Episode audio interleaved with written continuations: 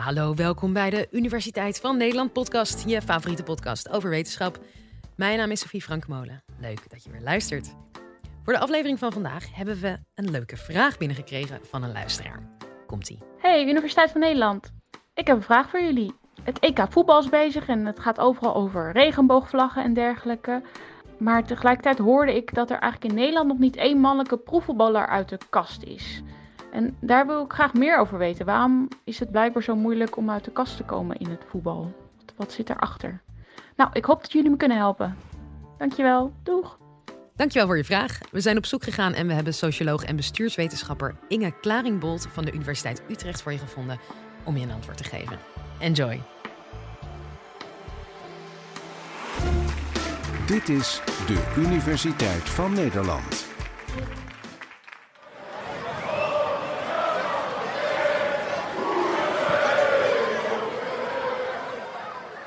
Ik wil dit college graag starten door een stukje te laten horen uit een uh, brief van een voetballer uit de Engelse Premier League, die in de kast zit nog en die vorig jaar het volgende stukje schreef.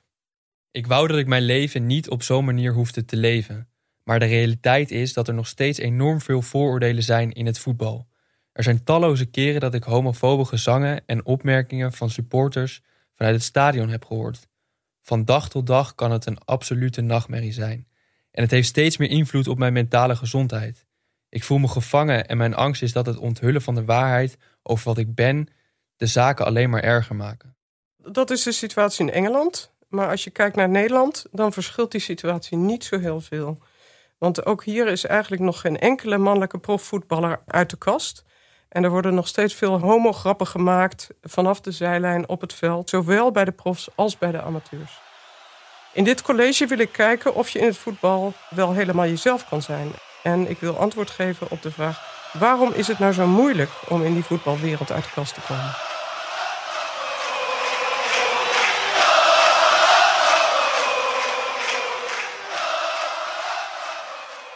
Om op die vraag een antwoord te kunnen geven, moet je kijken naar de cultuur die er heerst in het mannenvoetbal. Want dat is een echte hetero-mannencultuur, ook wel een macho-cultuur genoemd. Waarin homomannen zich vaak minder gemakkelijk voelen en minder hun draai kunnen vinden. Het schelden met homo of flikkertje op het veld, grappen over zeepjes onder de douche of het roepen van je trapt als een mietje. Dat soort denigerende opmerkingen die zorgen onbewust voor een omgeving die onveilig voelt voor veel homomannen, terwijl die juist voor macho mannen een gevoel kan geven van wij mannen onder elkaar en dus een prettige sfeer. Tegelijkertijd is het belangrijk om je te realiseren dat degenen die dat soort opmerkingen maken, dat waarschijnlijk doen omdat ze gewoon niet anders gewend zijn. Ze hebben helemaal niet het gevoel dat ze discrimineren op zo'n moment. Heteromannen op voetbalclubs die zeggen vaak zelfs helemaal geen probleem te hebben met homo's. Tegelijkertijd maken ze toch flauwe opmerkingen. Omdat vanuit die voetbalcultuur is dat eigenlijk ja, heel gewoon en vanzelfsprekend. En daar zijn ze in opgegroeid.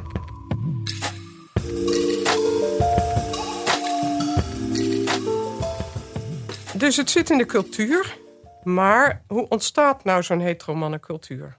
Kort gezegd dicteren normen en dus ook gendernormen hoe spelers zich op het veld of op de club horen te gedragen. Dat zijn verwachtingen die we in de maatschappij hebben over hoe een willekeurige man of vrouw zich moet gedragen. Ja, als ik zeg een man met een haarband en een vrouw met een stropdas, dan heb je meteen het gevoel van hé, hey, volgens mij zegt ze het verkeerd. Voetbal is van oudsher een hele masculine sport en heel mannelijk. En daar verwachten we ook macho-achtig gedrag bij.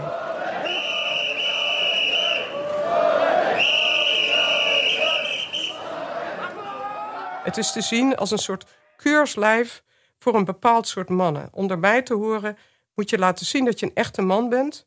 En dus moet je je ook afzetten tegen alles wat vrouwelijk is. En realiseer je dat die cultuur per sport dus ook kan verschillen. In het zwemmen of kijk bijvoorbeeld ook naar korfbal, heersen hele andere normen uh, voor mannen.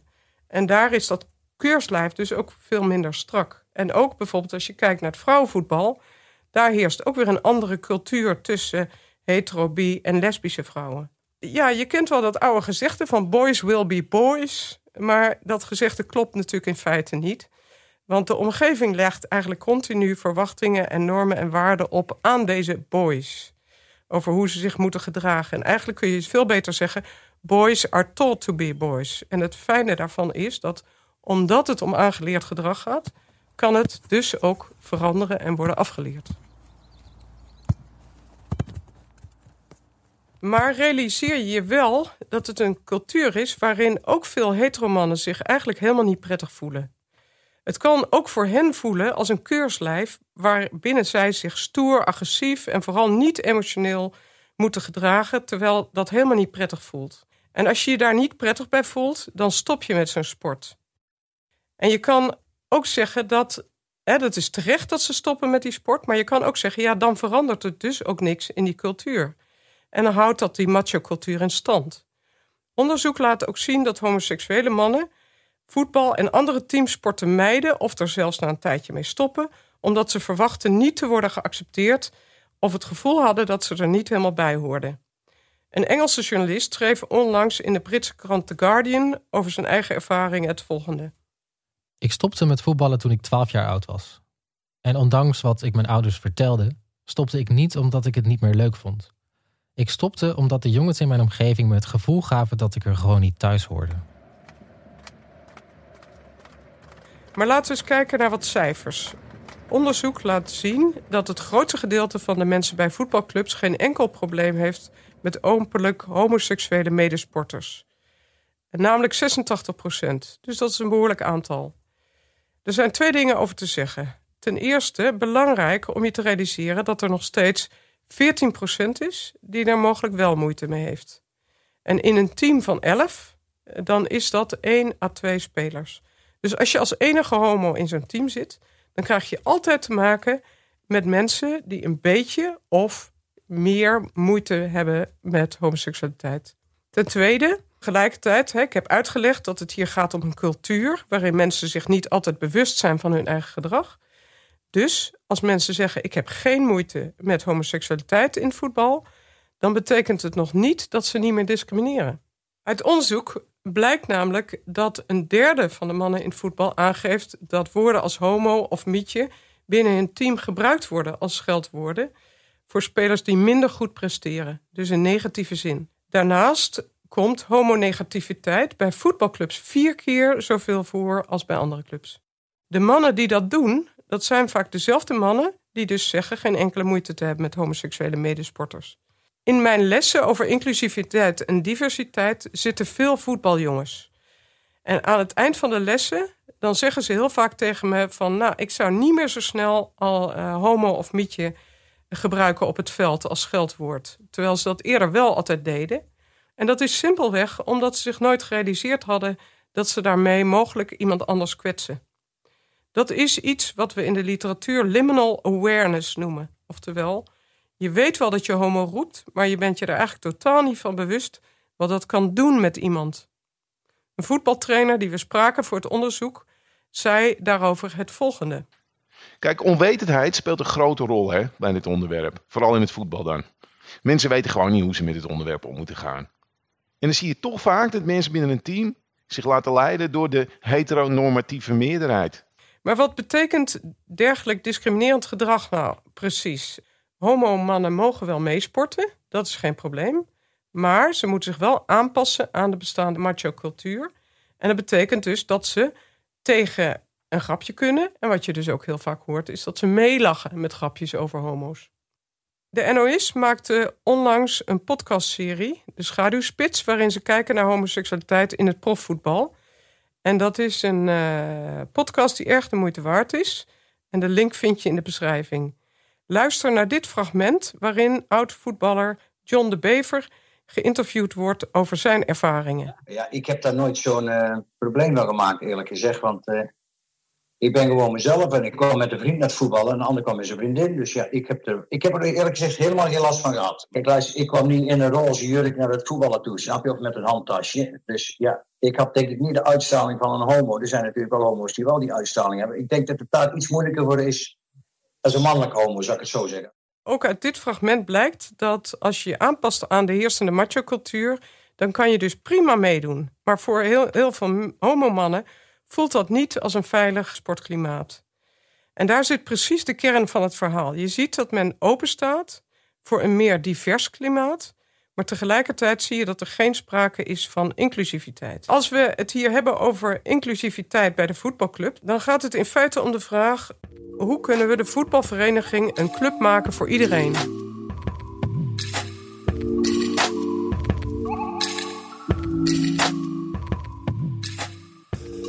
Als onderzoeker naar het thema inclusiviteit en diversiteit kijk ik onder andere naar hoe sportclubs ook voor homomannen een veilige plek kan zijn. Aan die cultuur moet, naar mijn idee, dus wat gedaan worden. In plaats van dat iedereen zich moet aanpassen aan de huidige cultuur. Dus er moet echt een cultuurverandering plaatsvinden waarin respect is voor iedereen. Er zijn verschillende manieren waarop je zoiets zou kunnen doen. Uh, denk aan symbolen zoals een regenboogvlag ophangen bij de club met een regenboogband spelen. Wat Wijnaldum nu gaat doen, een One Love band. Het hebben van een vertrouwenspersoon bij een club uh, of voorlichting geven. Nou, en zo zou ik nog wel even door kunnen gaan. En er zijn heel veel dingen die je allemaal tegelijkertijd kunt doen. En dat moet je denk ik ook doen. Maar uiteindelijk is bewustwording en begrip is heel erg belangrijk voor een cultuurverandering. Een bekende uitspraak van de schrijver John Bradshaw is: You cannot heal what you cannot feel dus misschien kan je niet direct inleven in een homo, maar door erover te praten kan je wel leren om je daarin in te leven. Dus je moet over het probleem praten, of over het vraagstuk praten, om het te kunnen oplossen. Besturen van clubs en de KNVB en de UEFA en de FIFA, die moeten juist een statement maken waarin ze duidelijk stellen dat discriminatie niet kan. Die verantwoordelijkheid voor de veiligheid, die moeten zij creëren. En ze moeten zorgen dat dat in feite doorcijpelt naar de rest van de club. Zoals bijvoorbeeld naar voetbaltrainers. Voor trainers zie ik namelijk een belangrijke rol weggelegd. Ik heb een keer gehoord dat een trainer uh, tegen een beetje een lief en uh, uh, niet al te stoer jochie van een jaar of tien zei van... hey, heb je je lippenstift wel meegenomen? En het hele team lachte zich rot. En dat jochie had geen idee of die homo of hetero was... Maar op zo'n manier wordt hem geleerd welk gedrag van hem verwacht wordt. En trainers zijn daarom een hele belangrijke doelgroep om dit soort blunders te kunnen voorkomen. Het is voor een trainer heel makkelijk om in te gaan op opmerkingen van spelers. Bijvoorbeeld door te zeggen als iemand homo roept of zoiets van wat bedoel je met die opmerking? En dan zegt de speler waarschijnlijk zoiets als ja, ik bedoelde er niks mee of het was maar een grapje. En dan kun je als trainer aangeven Oké, dan wil ik dit soort opmerkingen hierover ook niet meer horen. Dus dat is heel helder. En ja, naast uh, de rol die weggelegd is voor besturen en trainer, kan je natuurlijk, als je hetero voetbalspeler bent, ook een steentje bijdragen. Als je teamgenoot een keer een homo-opmerking maakt, dan kan je zeggen dat je dat niet oké vindt of dat je dat niet leuk vindt. Hij bedoelt het hoogstwaarschijnlijk helemaal niet homofoob, maar daarmee hou je wel een cultuur in stand waar we eigenlijk van af moeten. juist als heteromannen elkaar op dit soort dingen aanspreken, dan gaat, kan er ook werkelijk iets veranderen. En dan verandert er ook voor henzelf iets. Oftewel, dat keurslijf wordt wat minder strak. Iets wat ook helpt en vaak terugkomt in het debat over meer inclusiviteit in de voetbalwereld, dat is als er een mannelijke profvoetballer uit de kast komt. Want dan kan zo'n voetballer een rolmodel zijn voor andere homomannen. En onlangs zag je dus dat er in Amerika uh, Carl Nessim, een American voetbalspeler, uit de kast kwam. Hij speelt bij de Las Vegas Raiders. En hij is nu een voorbeeld voor andere mannen in de sport in de Verenigde Staten. What's up, people? I'm Carl Nassib. Just want to take a quick moment to say that I'm gay. I've been meaning to do this for a while now, but I finally feel comfortable enough to get it off my chest. Um, I'm a pretty private person, so I hope you guys know that I'm really not doing this for attention.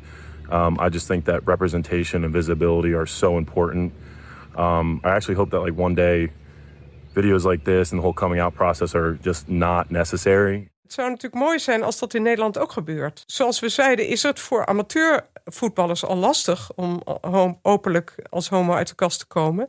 Maar voor een profvoetballer is die drempel eigenlijk nog hoger. Omdat hij te maken krijgt met spreekkoren in het stadion, omdat hij wellicht bang is voor zijn internationale carrière. En ook voor de media-aandacht die er vervolgens uh, naar hem uitgaat. Want je moet je realiseren dat zo'n Carl Nessim, het is een klein ding, maar er wordt wel meteen wereldwijd aandacht aan besteed als hij uit de kast komt. Je wordt gekroond tot een officiële spreekbuis voor alle homo-voetballers.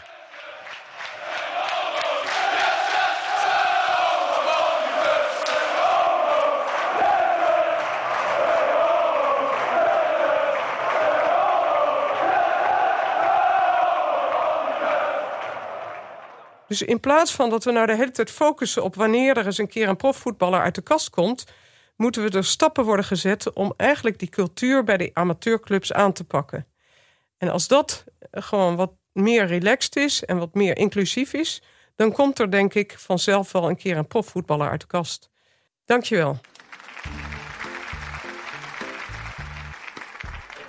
Je hoorde Inge Klaringbold. Heb jij nou ook een vraag die je graag beantwoord wil hebben door de wetenschap? Nou, dat kan. Spreek dan de Universiteit van Nederland hotline in. Het nummer vind je in de beschrijving. Volgende keer hebben we het over waarom je af en toe niet kan wegkijken bij gruwelijke beelden.